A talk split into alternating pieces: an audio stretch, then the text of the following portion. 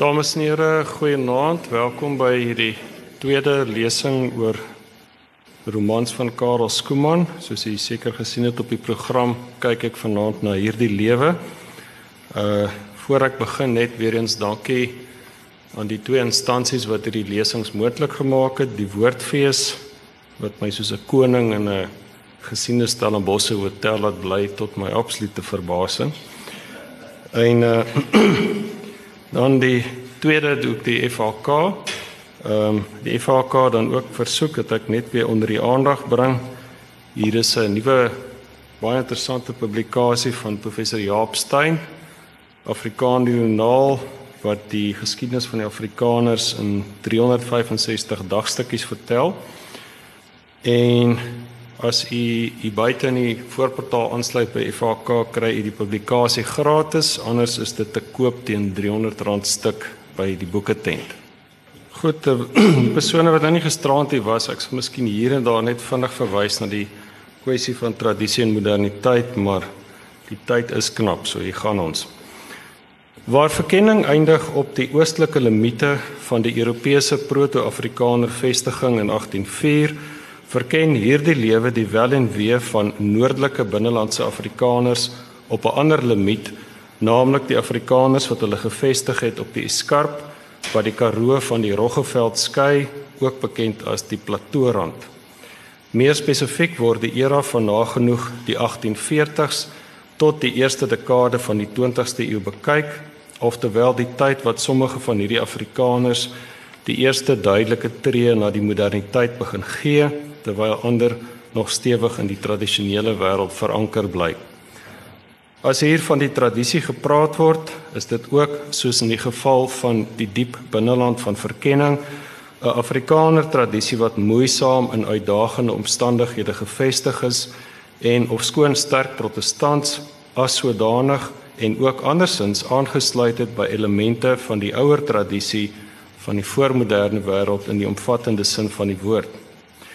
Waar die sake in verkenning aan die orde gestel word deur die oë van 'n buitestander, 'n lid van die moderne Nederlandse burgery, gebeur dit in hierdie lewe deur die oë van 'n binnestander, 'n naamlose vrou wat op haar sterfbed in die ouderdom van nagenoeg 70 terugkyk op die lewe wat sy en haar mense in daardie geweste gelei het. Soos hieronder sal blyk, is sy by uitstek 'n figuur wat tussen die tradisie en die moderniteit bemiddel en dit is ook wat haar onderskei as 'n heel besondere getuie van 'n wêreld wat nou nie meer bestaan nie, maar waarvan iets nog vandag voortleef. In die res van die lesing sal die volgende behandel word. Om mee te begin, sal die tradisie of die tradisionele wêreld soos dit in hierdie lewe voorkom, in oënskou geneem word. In afdeling 2 gevolg deur die tekens van 'n vroeë moderniteit onder die Afrikaners in die roman. Die spanning wat daar geleidelik tussen die tradisie en die moderniteit ontstaan en hoe daar tussen die tradisie en die moderniteit bemiddel word deur vyf sleutelkarakters sal vervolgens aan die bod kom. In afdeling 3 sal gekyk word na die hoofkarakter se vader as draer van die tradisie In afdeling 4 na haar moeder as moderniseerder, in afdeling 5 na haar broerskind Maans, 'n soort onbedoelde modernis in wie die tradisie nog lewe. In afdeling 6 na Maans se vrou Stinie as 'n soort vroegmodernis en in die 7de en slotafdeling sal stilgestaan word by die vroulike hoofkarakter en verteller as figuur wat tussen die tradisie en die moderniteit bemiddel vanuit 'n sterk sin vir die tradisie. Afdeling 1 dan tekens van die tradisie in hierdie lewe.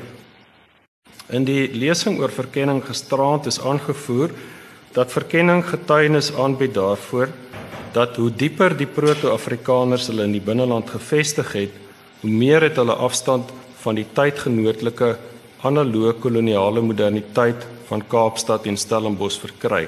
Vir die van die wat nie was nie, daarmee bedoel ek die Afrikaners in Kaapstad en Stellenbosch in daai tyd skoei hulle self op die model van Nederland as modernistiese land verder in die binneland ingaan hoe minder is dit die geval en hoe meer het daar onder hierdie binnelandse Afrikaners eie soortige tradisie ontstaan wat ooreenkomste met die antieke en klassieke tradisies van die Grieke en die Christendom vertoon is natuurlik ook belangrike verskille.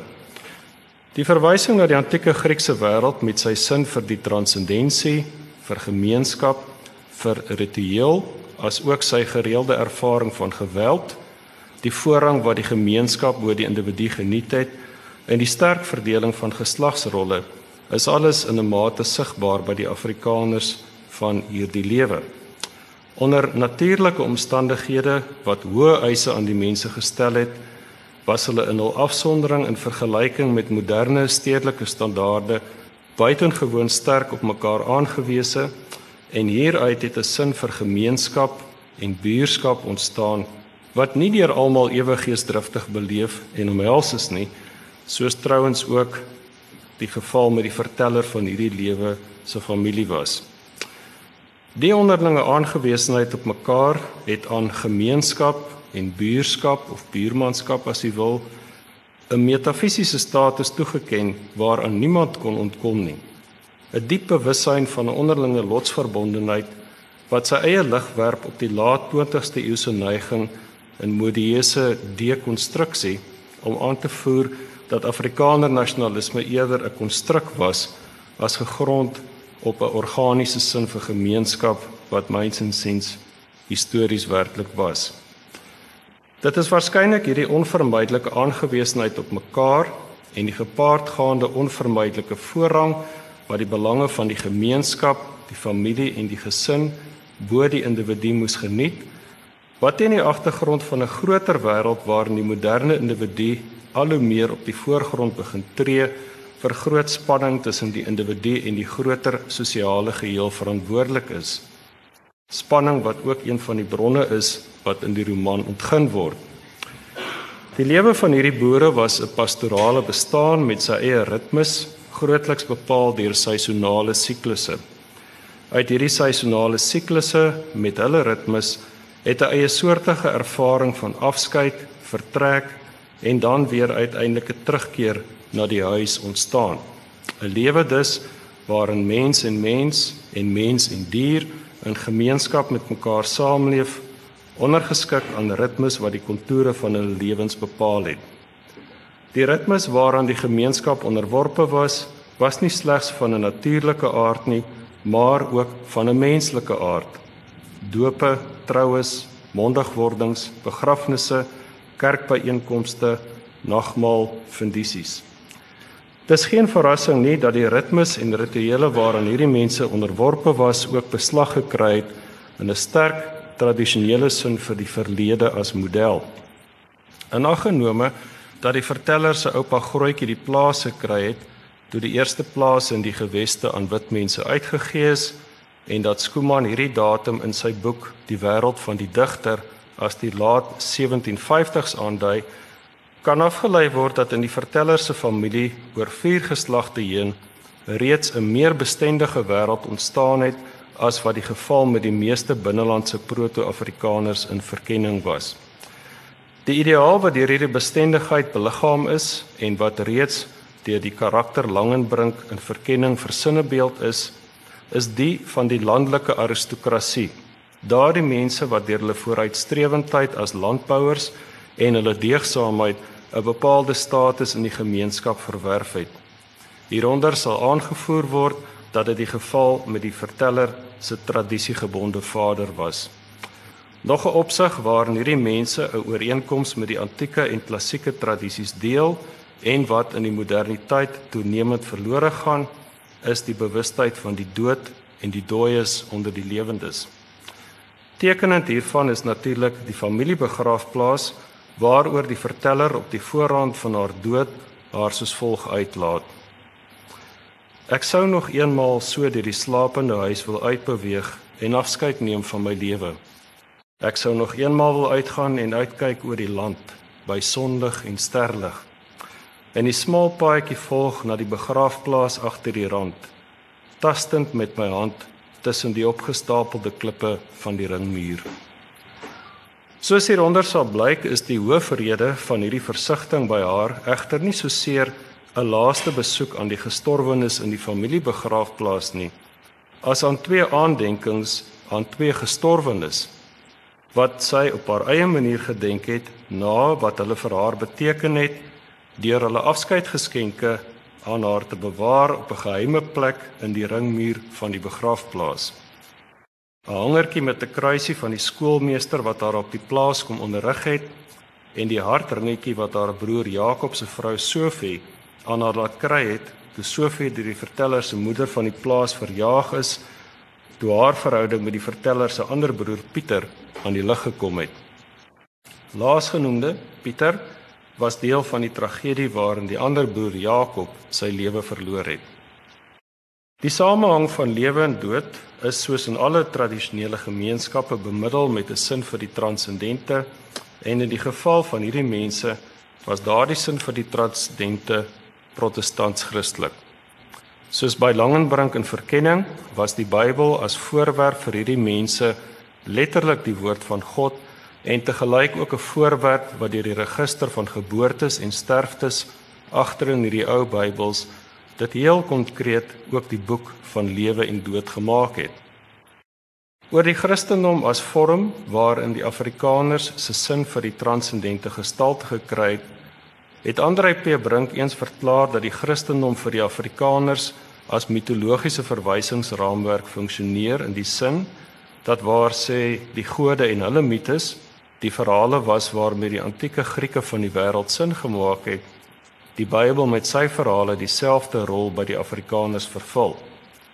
Met die tradisionele Afrikaners van hierdie lewe is dit beslis die geval. So funksioneer die verhaal van die verlore seun byvoorbeeld as verwysing vir die lewe van Pieter. Na mate dit blyk dat Pieter waarskynlik sy broer Jakob vermoor het vanweë sy liefde vir Sofie en toe met Sofie gevlug het, word die waarheid aan 'n jong verteller duidelik gemaak deur die werker Gert met verwysing na die verhaal van Kain en Abel. Nog 'n Bybelse verwysing waarmee sin van die tragiese gebeure gemaak word, is die verhaal van Esau en sy jonger broer Jakob wat Esau se erfporsie oneerlik afgerokkel het. Die suggestie is dat die ouer broer Jakob, die erfgenaam van die plaas en sy moeder se liefling, deur die jonger broer Pieter ingedoen is uiteraard met groot pyn vir die moeder en die hele familie. Die pyn van veral die verteller is verdiep deur die feit dat Pieter en die verteller se geliefde Sofie die plaas verlaat het. Toe Pieter baie jare daarna skielik na die plaas terugkeer, was dit as 'n gebroke man en sonder Sofie. Met Pieter se dood het die verteller vir hom 'n grafsteen opgerig met die woorde van Lukas 15 vers 32. Ons moet tog vrolik en bly wees want hierdie broer van jou was dood en het weer lewendig geword en hy was verlore en is gevind. Die protestantse vorm van die Christendom waarmee die verteller en haar mense sin van die wêreld gemaak het, het hulle nie onmiddellike toegang gegee tot die ouer klassieke Christelike tradisie nie. Waar die vermoedelik katolieke karakter Paap in verkenning die ouer Christelike tradisie dra, is dit in hierdie lewe die geval met die geliefde Hollandse skoolmeester wat die verteller as jong dogter op die plaas kom onderrig. Die teken van die ouer tradisie is die kruisie wat hy op 'n dag vir haar in die geheim wys. Na 'n nagmaal op Woester het die skoolmeester onverklaarbaar uit hulle lewens verdwyn. Toe hulle uiteindelik weer op die plaas aangekom het, vertel die hoofkarakter. Toe ons weer terugkom by die huis, het ek dan ook dadelik na die begrafplaas gegaan om in die holte tussen die klippe 'n boodskap van hom te soek. En ingestoot in die smal ruimte tussen die klippe, het my vingers op iets afgekom. 'n Stuk papier wat uit 'n boek geskeur is, met die kruisie daarin toegedraai soos hy dit as afskeidsgeskenk vir my agtergelaat het, omdat hy wis dat hy self nie na die plaas sou terugkeer nie. Ek het dit weer tussen die stene gebeere, want ek het besef dat dit 'n geheim is waarvan niemand anders mag weet nie. En later het ek eers 'n stukkie oorskietlap gekry om dit in toe te draai en 'n stukkie skaapvel om dit veiliger toe te wikkel. En so het ek dit jare lank bewaar sonder om die aard van die geskenk te kan verstaan wat ek ontvang het. Dat hierdie klein noot van herinnering waarskynlik tekenend is van 'n onverwoordbare verlange na 'n onbewustelike groter tradisie, sal hieronder blyk uit die slotgedagtes van die sterwende verteller. Vir hierdie Afrikaners was hulle protestants-christelike geloof nie net die simboliese raamwerk waarmee hulle van die wêreld sin gemaak het nie, maar ook in samehang met geletterdheid ver, verweef met hulle identiteit en ook part en deel van hulle oorgang na die moderniteit. Soos die een geslag die ander opgevolg het, so is dit al meer van 'n in die kerk aangenome Christen verwag om sogenaamd behoorlik geletterd te wees en soos die geletterdheid onder Afrikaners gegroei het, betree hulle mettertyd wat Regis de Bruy die grafgesweer noem en sy gepaardgaande politieke vorm die nasionalisme. Dit is sy term vir die kulturele konteks waarin oordrag tussen geslagte nie meer mondeling geskied nie, maar deur die gedrukte woord plaasvind en wat bepaalde kenmerke vertoon waarna hieronder verder verwys word. Soos alle verhale van modernisering is die opkoms van geletterdheid onder die Afrikaners ook 'n verhaal wat nie sonder spanning verloop het nie. In die geval van die verteller begin die verhaal by haar ouers wat skaars geletterd was. Die gebrekkige geletterdheid van haar ouers se geslag het gewis bygedra tot die anti-intellektualiteit wat by sommige van hulle voorgekom het. Wanneer Sofie bewus word van die verteller se belangstelling as kind om te lees, reageer haar moeder alles behalwe geesdriftig. Ondanks die ongeletterdheid en anti-intellektualiteit van haar ouers se geslag, het dit hulle nie weerhou daarvan om die waarde van geletterdheid as deel van sogenaamde geleerdheid te besef nie en soos pas hierbo uitgewys is, hang dit met hulle geloof saam wat dan weer as moderniserende krag gewerk het. Dit kom alles by een in die ritueel van die oorgang van 'n kind na volwassene, oftewel die aanneming in die kerk waarvoor geleerdheid die voorwaarde was. Binne die voor-industriële en pre-stedelike nie-staatlike pastorale ekonomie waarin hierdie mense geleef het, was grond van enorme simboliese en ekonomiese belang en het die sterker Afrikaner vrou soos die verteller se moeder via die projeksie van haar huislike mag op eggenoot, seun en kleinseun die verkryging van meer grond nagestreef.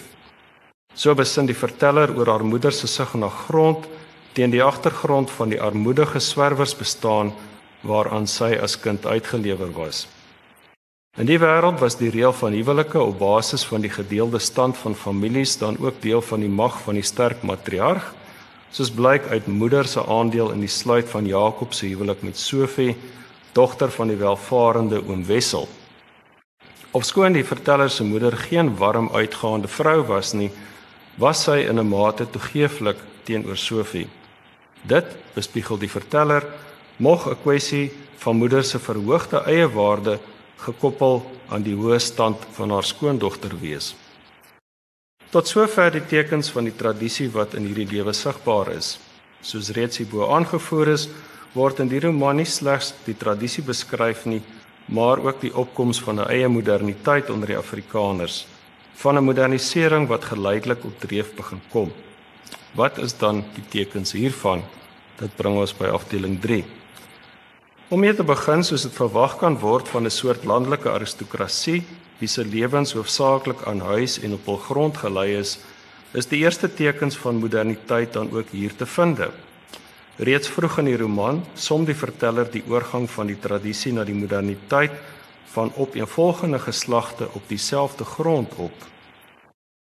Later jare het ons glasruite laat insit in die vensters.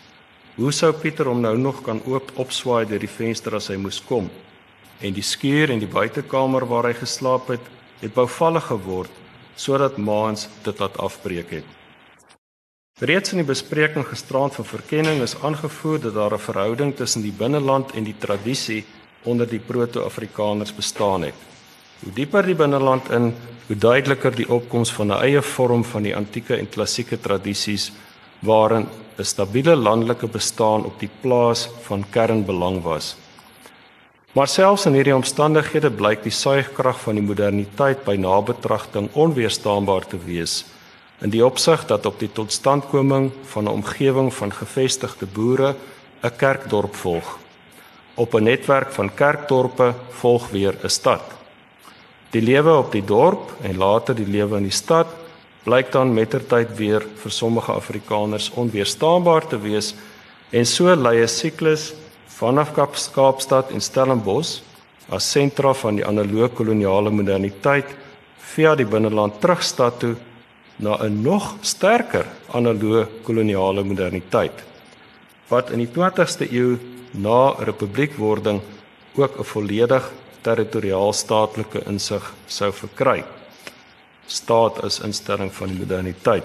In die in hierdie lewe is die eerste spore van die proses te vinde soos byvoorbeeld gesien kan word met Stini en haar nuwe huis op die plaas wat by die tradisiegebonde verteller ontheeming bring. Boonbehalwe die verskuiwing van die sobere funksionele huis na die groter vertonerige huis en die verskuiwing van plaas na dorp na stad, was daar dan ook as verdere teken van modernisering, soos reeds hierbo vermeld, die opkoms van groter geletterdheid tussen die drie geslagte waaroor hierdie lewe handel. Hieronder in die bespreking van die hoofkarakter sal die spanninge wat haar geleerdheid meegebring het verder aangeraak word.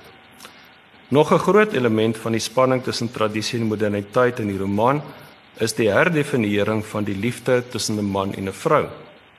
Waar die verhouding volgens die tradisie nie net een tussen twee individue was nie, maar ook tussen twee families van dieselfde stand, is die moderne opvatting van die verhouding een van 'n hartstogtelike romantiese band tussen twee individue wat dikwels tot spanning met die familie en gesinskonteks lei.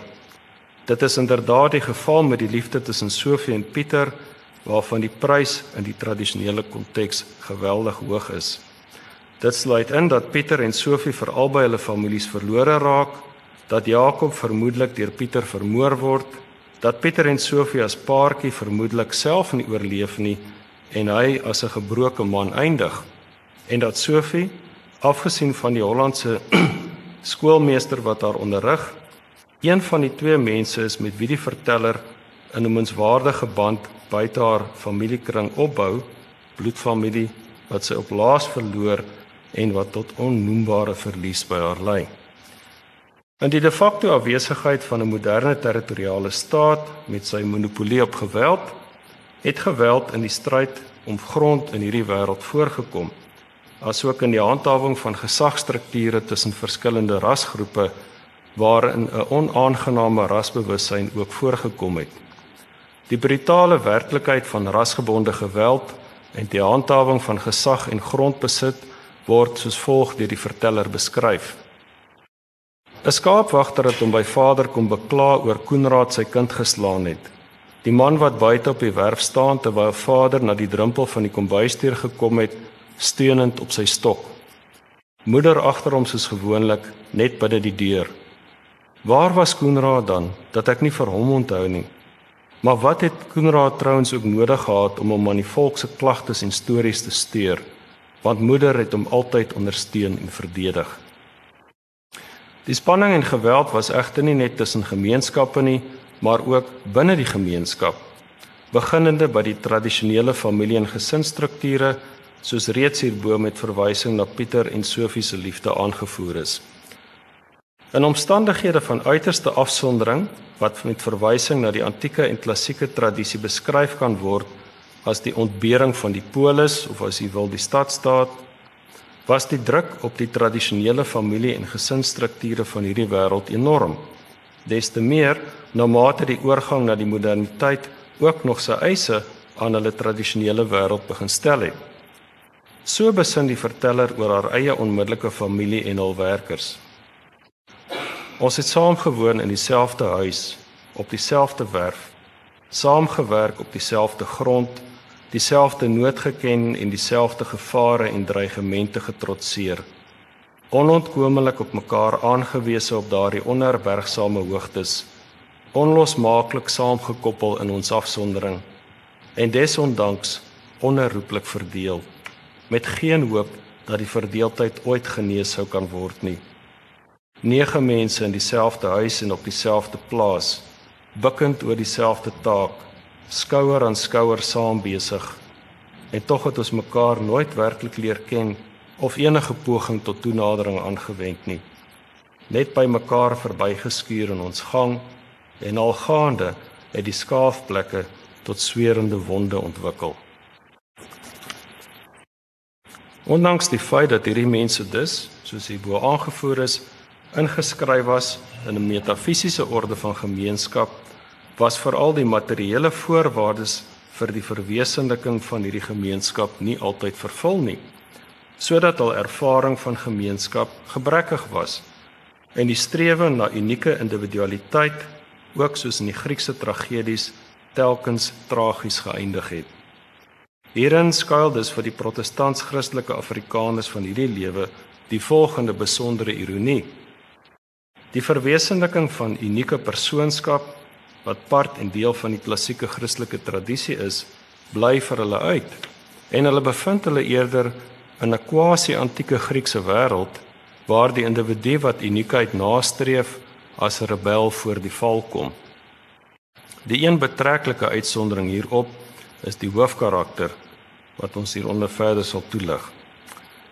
Ook in die openbare lewe is die verteller vanaf die laat 1850s die getuie van vele tekens van modernisering, sommige te danke aan die stygende stabiliteit en groei van die landelike Afrikaners in die Kaapkolonie, sommige te danke aan die Britse koloniale bewind.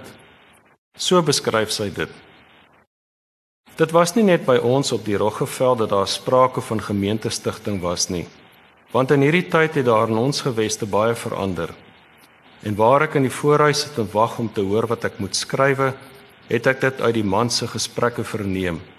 In die Bokkeveld is daar dorpe gestig, in die Handam in die Nuwe Veld. Daar is gepraat oor kerke wat gebou is, predikante beroep, kerkrade verkies. Nuwe gemeentes het om ons tot stand gekom en die grense van die oues het verander. Daar is gepraat oor magistrate en skole en ander dinge wat tot dusver vir ons vreemde verre verskynsels was wat aan ons oë verbonde gebly het met woester in die Boland aan die rand van die wêreld wat ons geken het. Soos wat sy ook heelwat later dit in die roman beskryf, het hierdie openbare modernisering ook sy huislike kant veral dan versinnebeeld deur die modernis Stini in haar nuutgeboude oordadige huis. Die oorgang vanaf die tradisie na moderniteit wat hier te sprake is, is soos reeds gesuggereer een vanaf die nodige na die oordadige. Ironies genoeg gaan dit gepaard met die oorgang vanaf 'n tradisionele wêreld met sy geloof in 'n skenkende wer werklikheid waarin die nodige genoeg is na 'n moderne wêreld waarin gebrek die mens as dit ware eksistensieel stempel sodat begeertes ontperk word en hierdie eksistensiële gebrek oorkom moet word met materiële oordaat iets wat nooit werklik geluk nie die tema sal ons verder met verwysing na 10 hier onder behandel so met die tekens van tradisie en moderniteit in hierdie lewe nou op kaart geplaas kan oorgegaan word na die bespreking van die verteller se vader as 'n draer van die ou tradisie in afdeling 4. Deurgaans in hierdie lewe praat die verteller met groot liefde oor haar vader of skoon sy dit op ingetoe wyse doen en die woord liefde nie so regstreeks vir haar gevoel teenoor hom gebruik nie. Sy beeld hom as 'n sagmoedige wyse man uit 'n man met 'n sin vir gemeenskap en lotsverbondenheid met sy wêreld en sy mense wat nie by haar psigies verwonde moeder teenwoordig is nie. Die beeld van Vader maak hom 'n model van die tradisie. 'n Wyse man met goeie oordeel, geduld, tuis in sy wêreld, tevrede met wat hy het en nie iemand wat sy gesag met geweld hoef te handhaaf nie. Iemand wat sy lot met genoë aanvaar en sy rol in die groter geheel speel soos dit hoort. Die verteller lig hierdie matige man verder toe as iemand wat met 'n teleologiese sin oftewel 'n sin vir sy goddelik gegeewe einddoel geleef het. Die gemeenskap wat hy met die mense van hulle omgewing onrou het, ondanks sy vrou se onwilligheid daartoe, word met 'n soort teengeskenk deur die mense beantwoord na mate sy gesondheid sodanig verswak dat hy nie meer die plaas kan verlaat en na hulle toe gaan nie. Na mate dit vir hom al hoe moeiliker geword het om onder die mense te kom, was dit hulle wat na hom toe begin kom het, sê die verteller. Vader se status as draer van die tradisie, as 'n man wat die gemeenskap om hom help bemiddel, word verder bevestig deur die rol wat hy sou speel in die stigting van die sentrale gemeenskapsinstelling van sy mense se tradisie, naamlik 'n kerk. Op heel aangrypende wyse word uitgebeeld hoe Vader dan ondanks sy beperkings, waaronder sy natuurlike skaamte en sy skrapse geletterdheid, ook dan in die nuutgestigte gemeente die rol van geestelike vader gespeel het. Vader se gehoorsaamheid in die groter geheel, sy gehoorsame antwoord op die eise wat aan hom gestel word, is part en deel van die tradisie op sy beste. Uiteindelik, wanneer hy op die punt is om te sterf, voltooi Vader die klassieke spiraal van die lewe wat so tekenend van die tradisie is, deur te eindig waar hy begin het, sterwend in die bed waarin hy gebore is, in die ou huis wat sy vader gebou het. Vader tree in die roman op as 'n bykans versluierde agtergrondfiguur. Die stagte stem van die tradisie wat konstant oordonder word deur die skel stem van die protomodernisme wat deur die psigies verwonde worstelende moeder gedra word. As kontrapunt op die stem van die tradisie, as ontwrigtende krag van 'n reeds verdwynende wêreld, word moeder dan ook heel traumaties deur die verteller beleef en gee die verteller dan ook in haar relaas heelwat meer aandag aan moeder as aan vader. Sekerlik in 'n poging om die vir die tradisie vreemde doen en late van moeder te probeer pyl wat ons dan in afdeling 5 by moeder as 'n soort protomodernis bring. Moeder word vroeg in die roman soos volg deur die verteller beskryf. Uit my kinderjare onthou ek maar net wat ander mense ewe goed onthou. Al het ek dalk meer geleentheid gehad om dit waar te neem. Die ywer, die dryfkrag en die drif. Die onversetlikheid wat so maklik verbetenheid kon word. Die skielike aanvalle van blinde en onbeheerbare woede wat ons elke keer opnuut verskrik het met hul geweld. Dryfkrag en drif ja. En amper sou ek wil sê gedrewenheid asof sy na een of ander verre en skaars waarneembare doel aangedryf word deur kragte wat vir almal onsigbaar was behalwe vir haar en selfs vir haar onbegryplik. Hierdie karakterisering is 'n merkwaardig bondige samevatting samevatting van wat so kenmerkend van die moderne individu is. Wilsmatig gerig op 'n werklikheid wat as vormbaar volgens die voorkeure van die eie wil ervaar en benader word, maar wat juis vanweë die onwil om jou aan 'n gegeewe einddoel te onderwerp veroorsaak dat jy 'n blinde doelmatigheid ten prooi val. Anders gestel, moeder versinne beeld die klassieke teenstrydigheid van die moderne individu vir wie vryheid die uitdrukking van sy wil is, maar wat in die uitdrukking van sy wil as ware deur sy drifte beheer word en uiteindelik onvry is. Wie uit die oogpunt van die tradisie nie bewustelik gerig op sy gegeewe einddoel leef nie, word die willose blinde teenpool daarvan.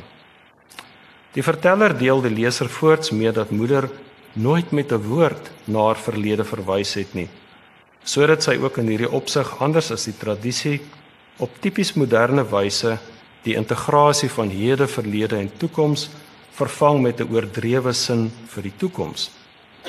Mettertyd word dit egter vir die leser duidelik dat die oordrewe sin vir die toekoms die manier is waarop moeder 'n traumatiese verlede probeer verwerk het.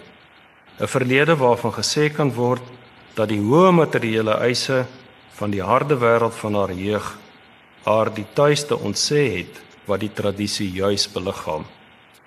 Die afleiding wat die leser kan maak is dat moeder se jeugbelewenis van tuisteloosheid haar nie net 'n protomodernistiese obsessie met die wilsmatige skep van 'n eie tuis te gelaat het nie, maar haar ook gestempel het met 'n vreemdelingskap wat haar dwarsteer haar lewe soos 'n skaduwee sou volg. Een effek wat moeder se ontwrigte jeug op haar het, is dat dit haar gelaat het met 'n pynlike spaarsaamheid. Spaarsaamheid is natuurlik ewenigs 'n tradisionele deeg, maar in moeder se geval wil dit voorkom asof haar spaarsaamheid nie soos in die klassieke Christelike tradisie danksy 'n sin van rentmeesterskap oor die goddelik gegeewe werklikheid was nie, maar eerder vanweë 'n heel verstaanbare ervaring van die werklikheid as ten diepste skaars en armoedig, waaruit enige oorvloed slegs met die grootste wilsinspanning en waaksaamheid gewring kan word. In 'n lang besinning kom die verteller voorts tot die gevolgtrekking dat moeder vanweë haar ontologiese of baie basiese sin van die werklikheid as gekenmerk deur skaarste nooit die klassieke deug van gasvryheid kon bemeester nie wat sy wat op sy beurt hulle familie se verhouding met die mense van hulle omgewing belemmer het.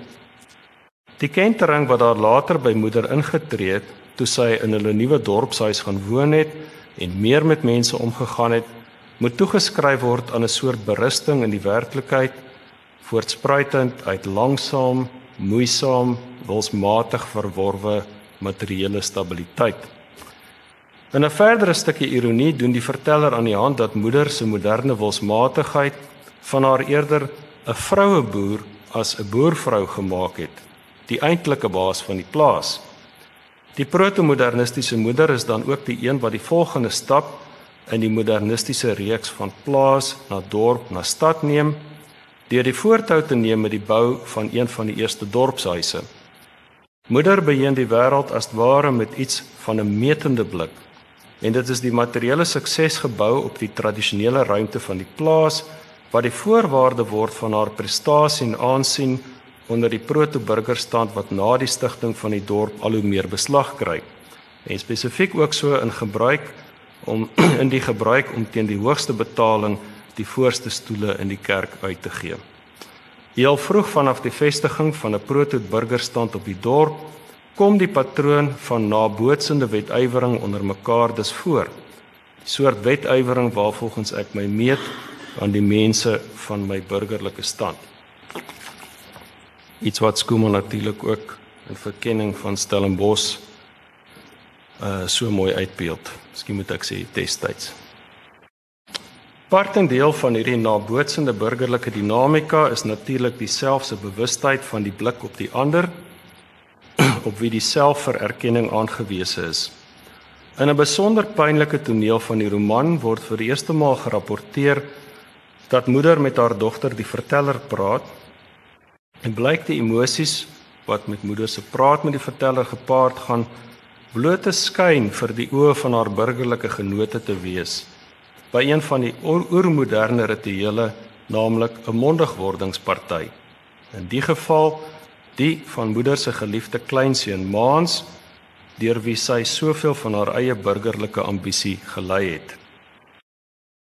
Op sommige kan dit dus van moeder gesê word dat sy vanweë groot materiële uitdagings in haar jeug eksistensieel deur 'n tuisteloosheid en 'n ervaring van skaarste gestempel is waarop sy dan wilsmatig reageer deur nie so seer in vader se tradisionele wêreld tuis te kom nie maar daardie wêreld eerder inspan as basis van haar strewe na 'n tuiskoms in 'n gemaakte plek van 'n gegeewe wêreld van materiële sekerheid. Die spanning tussen die tradisie en die moderniteit wat in vader en moeder se huwelik uitgespeel het, word soos reeds hierbo aangedui verewig in die lewens en huwelik van hul kleinseun Maans en sy vrou Stinie. Vervolgens word dit vir eers kortliks stil gestaan by Maans wat ondanks die opeising van sy dominante ouma tog nog die tradisie by sy oupa en sy tante die verteller ontvang het sodat Maans verstaan kan word as 'n figuur tussen die tradisie en die moderniteit. Anders as wat die geval met sy tante die verteller is, is die tussentoestand by Maans nie bewustelik nie, met die gevolg dat dit hom tog vir praktiese doeleindes die verlenging van sy dominante modernistiese vrou Stinie maak. So maans lees ek dan nou as 'n karakter onbewustelik tussen tradisie en moderniteit. Ofskoon maans aanvanklik vir alle praktiese doeleindes in die huis op die plaas groot word waar sy tante die verteller tydelik as surrogaatmoeder optree en so ook die tradisie aan hom oorlewer, word hy vanaf skoolgaande ouderdom deur sy burgerlik ambisieuse ouma in die burgerstand ingelyf. Maans is skool toe gestuur op Woester met 'n klein rolletjie goue ponde in papier toegedraai. En hy moes daarvoor hom 'n pak klere laat maak en dit opdrag gekry om hom op die dorp te laat afneem en ons die portretjie te stuur wat moeder in haar Bybel gebeere het. Dit is noemenswaardig dat moeder ondanks haar proto-modernisme steeds die Bybel as simbool behou. of skoon dit klaarblyklik nou deel van 'n verburgerlikte godsdiens uitmaak. Hoe ook al oor die pak klere en die fotoportret as burgerlike simbole van daardie tyd hoef daar geen twyfel te bestaan nie. Die burgerlike lewe waarop Maanstes van jongs af deur sy ouma voorberei is, is dan ook een waarin hy die gewenste opgang in die loop van sy lewe sou maak, soos die verteller dit opsom. Met Maans het dit goed gegaan, want hy was 'n presiese, versigtige en vlytige boer. Daarby het hy natuurlik goed geërf en ook Stini het volgens wat die mense vertel het, ryk geërf toe haar vader dood is, want sy was die enigste kind. Die mense in ons geweste was lief vir Maans, so stil en stadig soos wat hy was, en hulle het sy regskaapenheid vertrou. Nes hulle vader ook al die jare vertrou het, En deurdat hy traag was om te praat of op te tree en oorwoon sy oordeel, het hy bovendien eintlik nooit vyande gemaak nie. Dit was amper van selfsprekend dat hy diaken sou word en later ouderling. Toe ons dorp so ontwikkel het dat hy sy eie munisipaliteit kry, het hy lid van die dorpsbestuur geword en toe ons 'n selfstandige afdeling word, is hy tot lid van die afdelingsraad benoem. Ek weet nie of Maans self juis genee was om al hierdie ampte te beklee nie, want hy was nie 'n man vir vergaderings en beraadslagings en optrede in die openbaar nie. Maar hy het die verkiesings en benoemings aanvaar en hom pligsgetrou van sy take gekwyt. By die beskrywing van Maans word dit duidelik in watter mate hy 'n karakter tussen die tradisie en die moderniteit is. Terwyl hy enerzijds alle hoër gevorder het in die een moderne staatelike ampt na die ander, was dit juis vanuit 'n basis in die tradisie. Hy was 'n goeie boer, geduldig, tydsaam, goed van oordeel en bovenal gehoorsaam aan die lot wat hom toebedeel is. Uiteindelik het dit selfs daarop uitgeloop dat hy, soos reeds hierbo vermeld, tot lid van die parlement in die Kaap verkies is. Dit is egter belangrik om daarop te let dat dit nie so seer uit eie beweging en versigtiging was nie, maar baie sterk op aandrang van sy vrou Stini, wie se eintlike agenda mettertyd 'n lewe in die destydse moderne Kaapstad blyk te wees. Hieroor lig die verteller die leser in het Floris van Wyk een aand op 'n nuwejaarspartytjie 'n droë waarneming gemaak. Dit was die jaar toe Stini vir die parlement gestaan het. So met die kort bespreking van Maans as onbewustelik tussen tradisie en moderniteit kan nou oorgegaan word tot 'n beskouing van sy modernistiese vrou, Stini. Wanneer die verteller Stini aan die leser bekendstel, blyk dit dat die afkeer aan die verlede wat om verstaanbare redes by moeder aan die werk is, in Stini se geval doodgewone moderne afkeer aan die oue is. Nou het Stini dit seker alles. Alhoewel ek nie kan onthou dat ek dit ooit gesien het nie. Eendag het daar in ons dorpshuis mense uit die Boland gekuier wat in sulke ou goed belangstel. En het Stine 'n bietjie misprysend genoem dat sy nog van ouma Grootjie se ou porselein het. Maar waar sy dit gebeere het, weet ek nie en sy het dit nooit gebruik nie, want dit was ouderwetse stukke en glad nie na haar smaak nie. Vervolgens, pas na Maans en Stine se troue, maak Stine haar eerste toetrede tot die moderne burgerlike ruimte van die dorpskerk op so 'n wyse dat dit duidelik is dat die burgerlike uitdagendheid wat haar skoonma eers met haar jare bemeester het vir haar wat Stini is as ware reeds tweede natuur was. En die eerste Sondag na haar troue dat hulle met ons saam kerk toe kom op die dorp, Stini in 'n ruisende rok van gestreepte pers en groen materiaal wat uit die Kaap gekom het, 'n klein hoedjie met volstruisvere en linte voor op haar kop gedruk Ja, dit was maar die mode in daardie jare, maar die klere en die hoedjie met sy vere was daarom baie deftig vir ons dorp.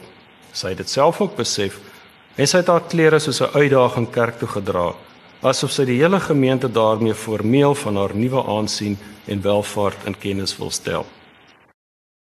Die ambisie wat sy met haar toetrede tot die burgerlike ruimte van die dorpskerk aangekondig het, sou mettertyd ook die hiërargie wat haar skoonmoeder in die ouer tradisionele ruimte van die plaas gevestig het ondermyn. 'n Ambisie wat sy soos haar skoonmoeder op die belangrikste man geprojekteer het, sodat sy hom nog meer sou oorheers as wat haar skoonmoeder haar skoonvader oorheers het. En uiteindelik sou sy ook haar aangetroude ouma en matriarg in die familieopset ontmagtig. Dit kan dus gesê word dat waar die balans tussen die tradisie en die moderniteit in die verteller en haar broers se geslag nog van so 'n aard was dat Sofie die onderspit teen haar skoonmoeder skoonmoeder moes delf, dit teen die tyd van die geslag van Maats en Stinie sodanig in die moderne rigting gekantel het dat die bordjies nou beslissend verhang is. Mettertyd blyk dit dat Stinie se ambisie haas mateloos was anders as die van haar aangetroude ouma wat 'n mate van vervulling as gesiene vrou op die dorp aan die einde van haar lewe ervaar het. In die eerste plek was die ruimte van die plaas en die dorp vir Stinie nie genoeg nie. en word die groter dorp van Woester mettertyd die ruimte waarop sy haar begeerte projekteer. Op tipies moderne wyse skyn die vervulling vir Stinie dus altyd elders te wees. Keer sy die plaaslike af en begin sy geleidelik 'n lewe van verbruik eerder as produksie te lei, soos wat nog met die twee geslagte van haar tradisiegebonde mans maans die geval was en is. Ook die groter dorp sou mettertyd op tipies moderne wyse nie voldoen aan die onbevredigbare begeerte van die ontwrigte modernistiese stinie. Soos reeds hierbo aangedui is, was dit dan die rede dat Maans in die parlement beland het, want Dit was die hoogste wat Stinie nog gehad om na te strewe, om 'n parlementslid te vrou te wees wat elke jaar Kaap toe gaan en daar met al die hoë mense omgaan. Stinie se onrus en ongedurigheid sou ook ander uitings vind in haar eie tog om wilsmatig die wêreld volgens haar voorkeure te probeer vorm.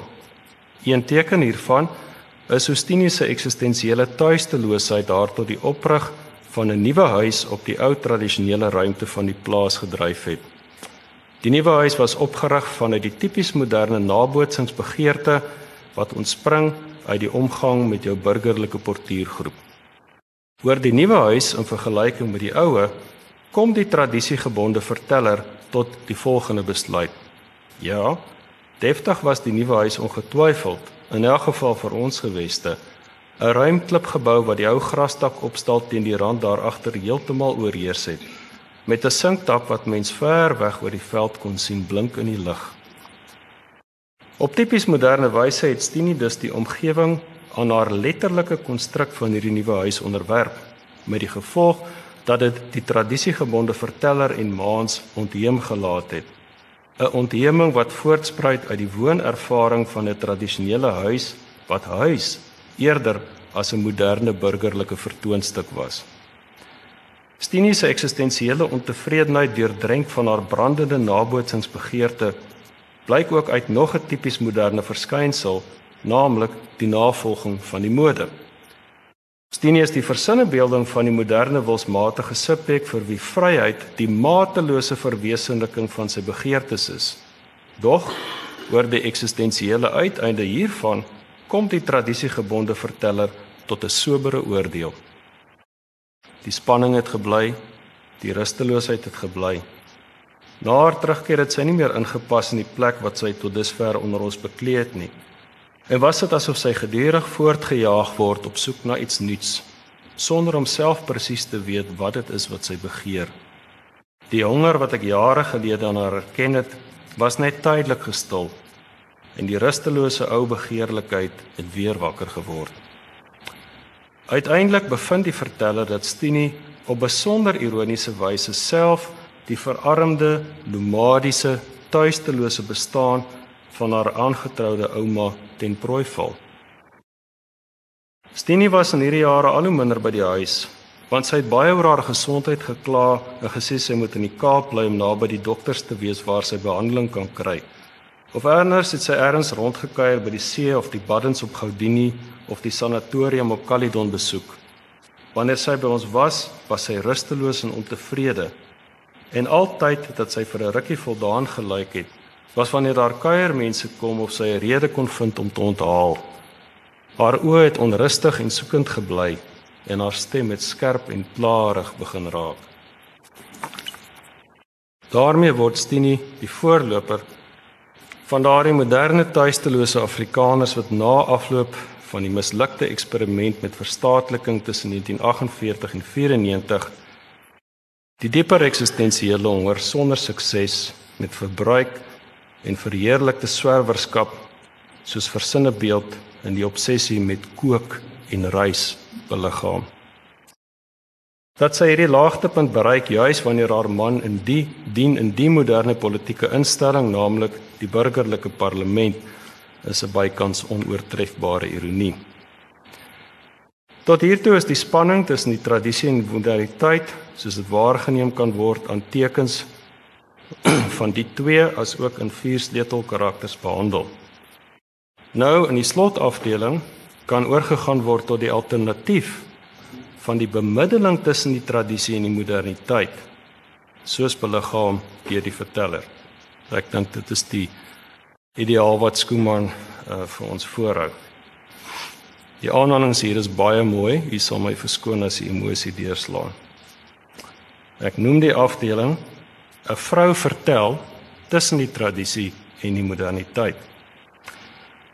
Reeds op die eerste bladsy van hierdie lewe word die verteller op 'n treffende wyse aan die leser bekend gestel wat haar verankerdheid in die tradisie duidelik maak.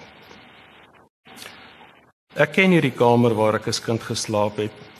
Hierdie ou huis teen die rand met maan se nuwe huis op 'n afstand daaronder, die krale, die damme en die lae heuwels van die vlak vaal land. Ek hoef my oë nie eers toe te maak nie. Oop oog in die donker sien ek die huis waar ek gebore is, die plaas waar ek groot geword het. En as ek sou opstaan, sou ek my pad nog blindelings kan vind oor die misvloer van die kamer en die nuwe plankvloer wat Stinie in die voorhuis laat insit het. Op die gevoel sou ek die grendel van die voordeur kan vind sonder om te aarzel. Die swaar ou deur ooptrek sonder om die skarniere te laat kraak en uitgaan op die werf. Dit is donker maan, maar ek het geen maanlig nodig om die plaas van my jeug te herken nie of om die voetpaadjie te vind. Kaalvoet oor die klippe sonder dat hulle my seermaak. Verby die buitegeboue en die kraal en oor die randjie na die begraafplaas om daar te staan met my hand op die opgestapelde klippe van die muur. Hierdie woorde adem 'n kragtige sin vir plek eie aan die tradisie. Die verteller se verbondenheid met haar plek is van so 'n aard dat sy 'n intieme kennis daarvan het. In so 'n mate dat sy selfs blind in die donker dit kan sien.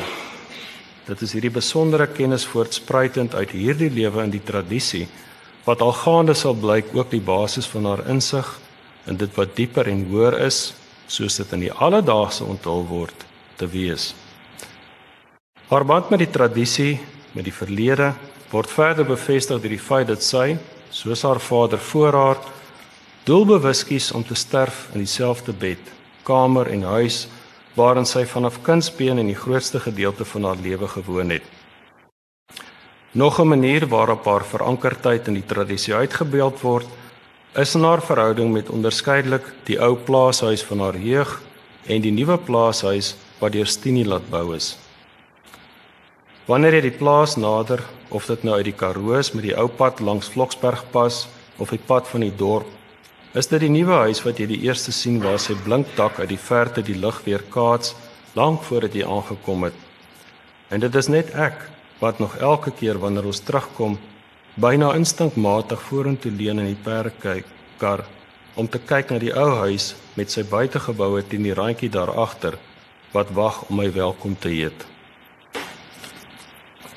Soos reeds hierbo aangevoer is, staan die nuwe huis in vir die moderniteit terwyl die ou huis waar sy welkom voel instaan vir die tradisie. 'n Ander faset van haar verwolteldheid in die tradisie is dat sy 'n lewe gelei het waarin die tyd beleef is as herhalende siklusse en waarna haar begeertes binne vaste perke gewerk het wat haar met 'n tevredenheid laat ondanks al die ontberings van haar lewe.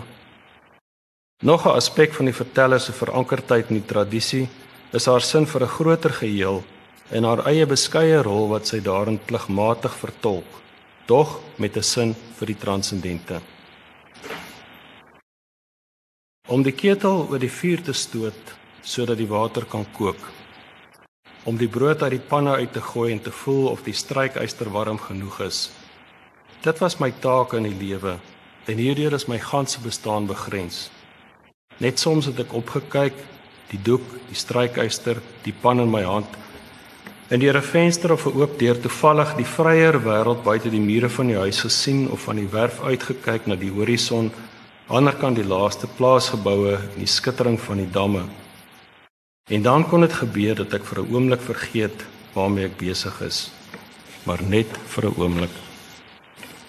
Hierdie sin vir die transcendente, vir die wete van iets meers as die blote alledaagse, word deur die verteller op besonder roerende wyse verwoord met verwysing na die aandenkings na besit van die twee mense met wie sy buite haar klein familiekring gemeenskap ervaar het, naamlik die onderwyser, meester en Sofie. Wat ek in die wêreld gehad het, het ek deur die genade van Vader en Moeder gekry en benut sonder om dit ooit as myne te beskou. Klere om te dra, 'n kam en borsel, 'n naaldwerkkassie, 'n Bybeltjie en 'n psalmboek. Al wat myne was, was dit waarvan geen ander mense wis nie. Die kruisie wat meester vir my agtergelaat het en die ringetjie as aandenking aan Sofie toegedraai in 'n flentertjie oorskiet lap en 'n stukkie skaapveld tussen die klippe van die ringmuur. Ek het nooit na hierdie dinge gaan kyk nie. Hoekom sou ek? Want wat moet ek daarmee doen? Maar die wete dat hulle daar was, was altyd iewers by my, 'n ongedeelde en ondeelbare geheim waar ek met moeder in die kombuis die vleis insout of peperskil om ingelê te word. Waar ek langs vader se stoel sit met die kussingsloop wat ek moes omsoom waar ek die koffie indra vir die besoekers en afwesig probeer om al vra en hul nuuskierigheid te verduur. Op gevaar daarvan af om die kruisie en die hartringetjie te oorvertolk, moet uitgewys word dat die kruis en die hart in die Christelike tradisie besondere betekenis dra wat verder terug na die oorbronne van die Christendom as slegs die protestantse stroming strek kan dit wees dat hierdie simbole tekenend is van haar verlange na daardie oerbronne al het sy as prot om 'n paar medeknegte te skimp en hulle sleg te sê as om haar in die skade van haar baase te verlustig. Haar lojaliteit te blywend verdeel deur die drang tot selfbehoud. Alleen het ek besef waar ek oor die hert buk om die vuur te blus en my pad deur die donker huiskamer te voel. Alleen mens teen mens gekeer in selfsug verdeeldheid en wrok. Dat die verteller egter nie self haar tot hierdie gemeenskapslose Hapsiaanse wêreldbeeld laat beperk het nie, word bevestig deur die ervaring van gemeenskap wat sy met haar vader, met meester en met Sofie het. Dit is waarom Pieter en Sofie se onverklaarde onverwagse vertrek vir haar so 'n enorme verlies was. Een waarop sy soos volg reageer wanneer sy jare later uitvind dat hulle tydelik by die nabygeleë Bastersfontein oorgestaan het voor hulle fort is en na 'n koorsagtige soektog na enige tekens van hulle daar die volgende vertel. Op die rand het ek nog 'n oomblik bly staan en teruggekyk. En ek het gesien hoe die lig en die skadu oor die wye landskap spoel en uitduin. En die donker watervlak sluit om alles wat in die diepte verdwyn het vir goed onsigbaar te maak. Ek het hulle verloor oor die wydheid van die Roggeveld en ander kant die duining van die horison, soos die wind, soos die mis, soos die uil dwarrelende kapok af by die smal styl klowe en passe van die berge. Die opsiaanse kante van hierdie wêreld met sy bykans geen instellings nie, het sterk gemanifesteer rondom die kwessie van grond wat ewige spanning tussen wit en bruin veroorsaak het en klaarblyklik 'n rol in die opkoms van 'n vroeë rasisme onder sommige Afrikaners gespeel het. Die verteller borduur op hierdie tema voort en verwys na die Hapsiaanse element van geweld teenoor die swakkere en hoe die voortdurende spanning oor grond ook onder die Afrikaners van die omgewing hulle sin vir gemeenskap met mekaar ondermyn het. Soos reeds aangevoer is, was haar siening van die werklikheid egter nie tot die Hapsiaanse beperk nie. Op tipies tradisionele wyse het sy dit ook oor die goeie skenkende werklikheid waarin hulle gewoon het. Helder land, glansende silwergrys land wat voor my wegdrywe in die nag. Waar ek verwonderd sien hoe elke tak van die harpuisbos glinster. soos die digte spirale van sy blaartjies die skynsel van die lig weerkaats en elke rots dof gloei teen die rande. Die eystervark verdwyn in die skadu tussen die bossies. Die geelslang seil voor my voete weg. En langs die kliprande draf die jakkalse sonder om die skaap te steur waar hulle wy. Daar is niks meer om te vrees nie. Kaalvoet en alleen deur die veld en oor die klippe in my wapperende nagrok tot by die rand van die eskarp waar die kraanse loodreg afstrek. Die afgrond onsigbaar in die diepte van die skadu, asof dit nie bestaan nie. Kaalvoet op die klipbank aan die rand van die wêreld met die klipkil onder my voete in die wind wat skerp na my toe waai sonder dat ek koud kry of huiwer. Tipies van die tradisie is haar diepste ervaring van die goeie werklikheid, dis een van geborgenheid waarin vrees nie die toon aangee nie, ondanks alle eise en uitdagings wat getrotseer moes word. Tot sover die behandeling van die verteller as 'n vrou veranker in die tradisie. Hierbo is reeds aangevoer dat sy 'n karakter is wat ook moderne elemente bevat en dat sy dus ten diepste 'n voorbeeld is van iemand wat in haar tyd en plek tussen die tradisie en die moderniteit bemiddel. Uiteindelik om op 'n soort om 'n soort tradisiegebonde moderniteit te beliggaam wat verskil van die proto-modernisme van haar moeder en die volslae modernisme van Stini. So ek voer die argument in haar tyd wys sy 'n ander manier van modern wees uit die tradisie wat ek dink ook vandag ons uitdaging is. Soos reeds gesuggereer is, het die onderwys wat sy ontvang het ongetwyfeld 'n bepalende rol gespeel om haar ook in die moderniteit in te lei waarop weldra hieronder verder ingegaan sal word. Wat nou reeds gesê kan word is dat haar moderniteit die duidelikste blyk uit die feit dat sy ook 'n sterk sin van individualiteit vertoon, waarin die moderne vryheidsbegrip van vryheid as die bepaling van jou eie lot figureer. Dit blyk die duidelikste uit haar vertelling oor haar besonder gunstige ervaring van die tye wat sy alleen op die dorpshuis gewoon het na haar moeder se afsterwe. Hier is 'n voorbeeld. Een nag gedurende hierdie winter na moeder se dood onthou ek, was daar swaar sneeuval. Kapok was by ons nie seldsaam nie en daar is geen rede waarom ek hierdie val sou onthou nie behalwe dat dit swaarder was as gebruiklik en dat my toestand van vryheid vir my nog nuut en ongewoond was. Met die wakker word die oggend was ek reeds van my dieper afsondering bewus in die stilte waarin selfs die verspreide geluide van die dorp gedemp was. Die vrou wat in die huis werk, het nie gekom nie. En die mense van die dorp het binne gebly en geen poging aangewend om te kom kuier nie. Niemand het daaraan gedink om te kom uitvind hoe dit met my gaan nie. En ek het die hele dag alleen in die huis deurgebring sonder om met iemand te praat of te moet praat. Sonder verpligtinge wat ek moet nakom of verwagtinge waaraan ek moet voldoen. Die eerste dag van volslae vryheid wat ek in my lewe geken het. Hoe diep hierdie nuwe vryheidservaring al geraak het, blyk duidelik uit die volgende besinning daaroor. Die stilte van daardie dag het ek egter bewaar en die lang sweye wat ek ervaar het, het deel van my gebly. Met hoeveel mense ek daarna weer ook oor hoeveel verskillende dinge moes gesels. Wat bedoel ek wanneer ek dit nou sê? Ek weet nie want ek het dit nie verstaan nie en selfs nou sou ek nog altyd geen verduideliking kan gee nie. Dit is hoe daardie dag vir my was en dit is wat dit vir my beteken het. Nee, dit is geen rekenskap wat ek probeer gee nie. Teenoor wie dan en waarvoor? Ek onthou, dis al. En dit is die dinge wat ek onthou. Alleen hier in die donker aan die einde van my lewe. Al die klein en eenvoudige dinge wat ek vir niemand sou kan verduidelik nie. Ek wat die geboortedatums van my broers en die sterfdatums van my ouers nie eers meer onthou nie.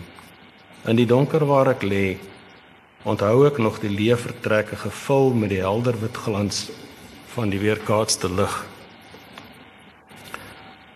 Afgesien van hierdie voorbeelde is 'n ander teken van haar sterk individualiteit wat soos 'n goue draad deur die roman loop, haar bewussyn van 'n duidelike self afgegrens van die mense om haar deur die wyse waarop sy eerder hulle gedeelde lewens waarneem as om aktief daaraan deel te neem.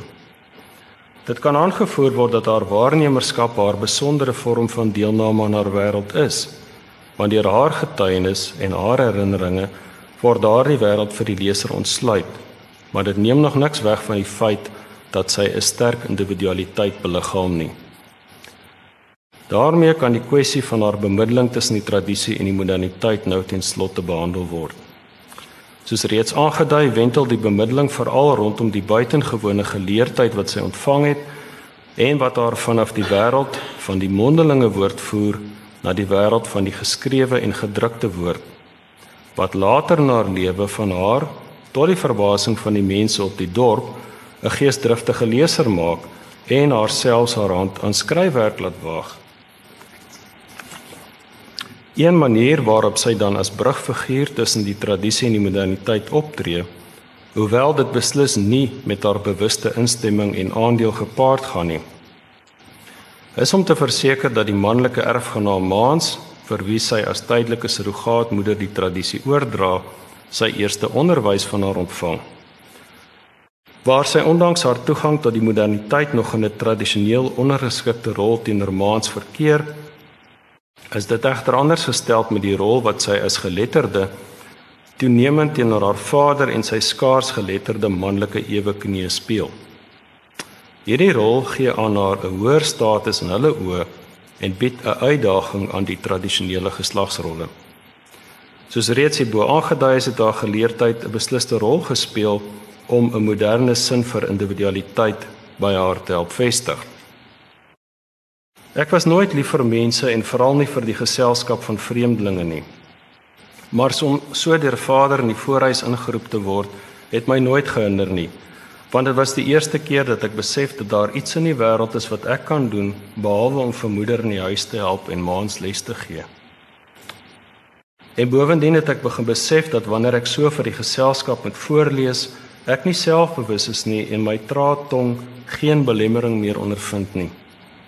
Nog later het die mense vasgestel dat ek ook Engels kan verstaan. En hierna was dit nie net die beraadslagings oor die nuwe gemeente waarby ek moes kom help nie.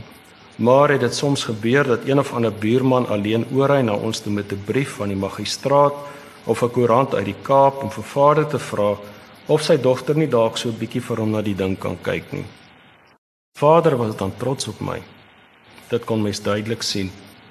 En eintlik was dit al kans wat hy ooit gehad het om trots op my te voel.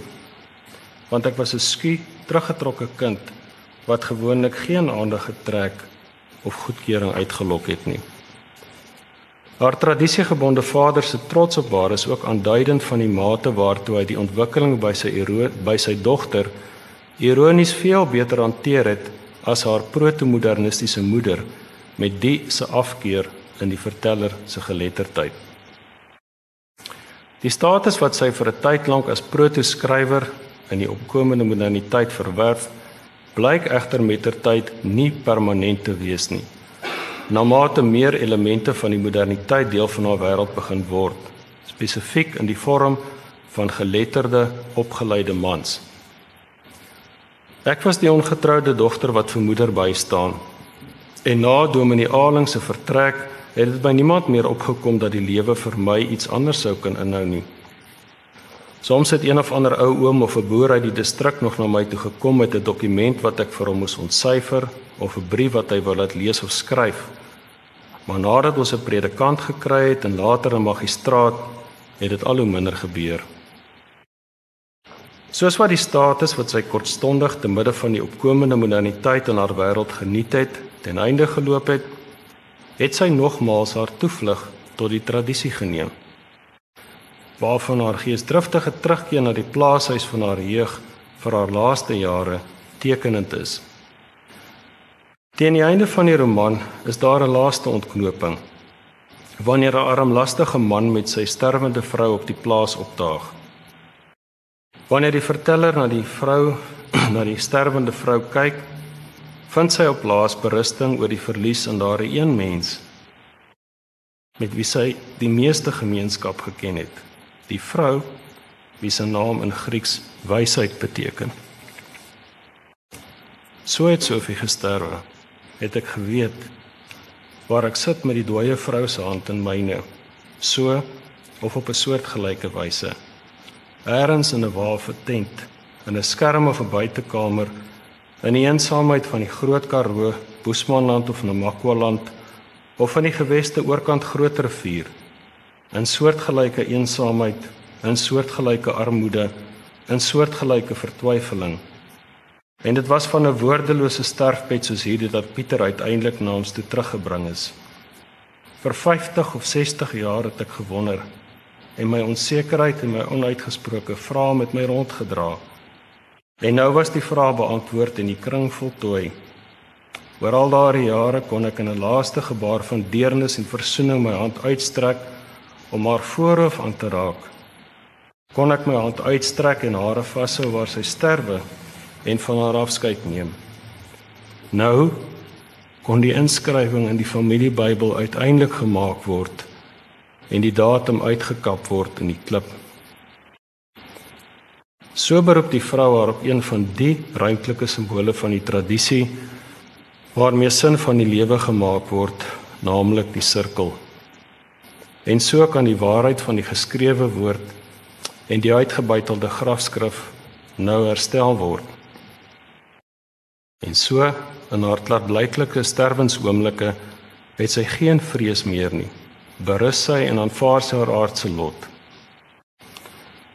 Ek was bewus van al angstige stemme. Ek het al verskrikte bewegings in die kerslig gesien, maar ek het nie meer na al woorde geluister nie. Wagtend dat die woorde moet end kry en die kers geblus word. Wagtend dat die nagliggie langs my bed moet uitbrand en selfs die reëlmatige asemhaling van die slapende meisie op die katel verstil afgesonder in myself met my gedagtes en my herinnerings vir 'n oomblik was ek bang vir hierdie donker en stilte wat soveel groter is as enigiets wat ek ooit verwag het vir 'n oomblik was ek bang vir wat ek moes onthou maar nou is die angs oorwin die kennis opgedoen en die wysheid verkry en met oop oë kan ek die donker aanskou daar is geen dagbreek meer nie net die donker.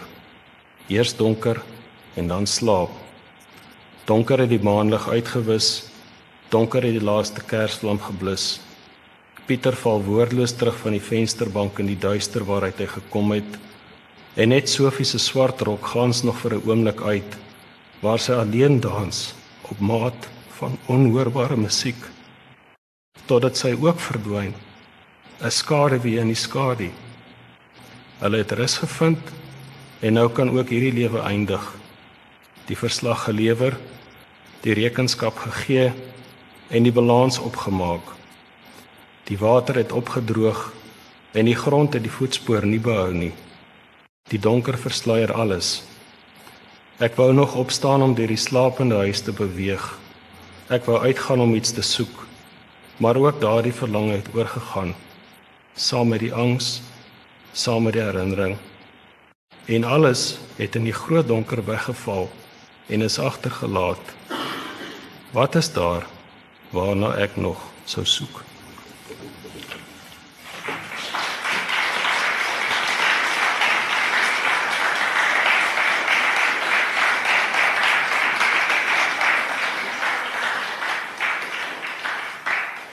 Jy moet verkieslik nie vra vra of iets sê nie, maar jy kan as jy wil.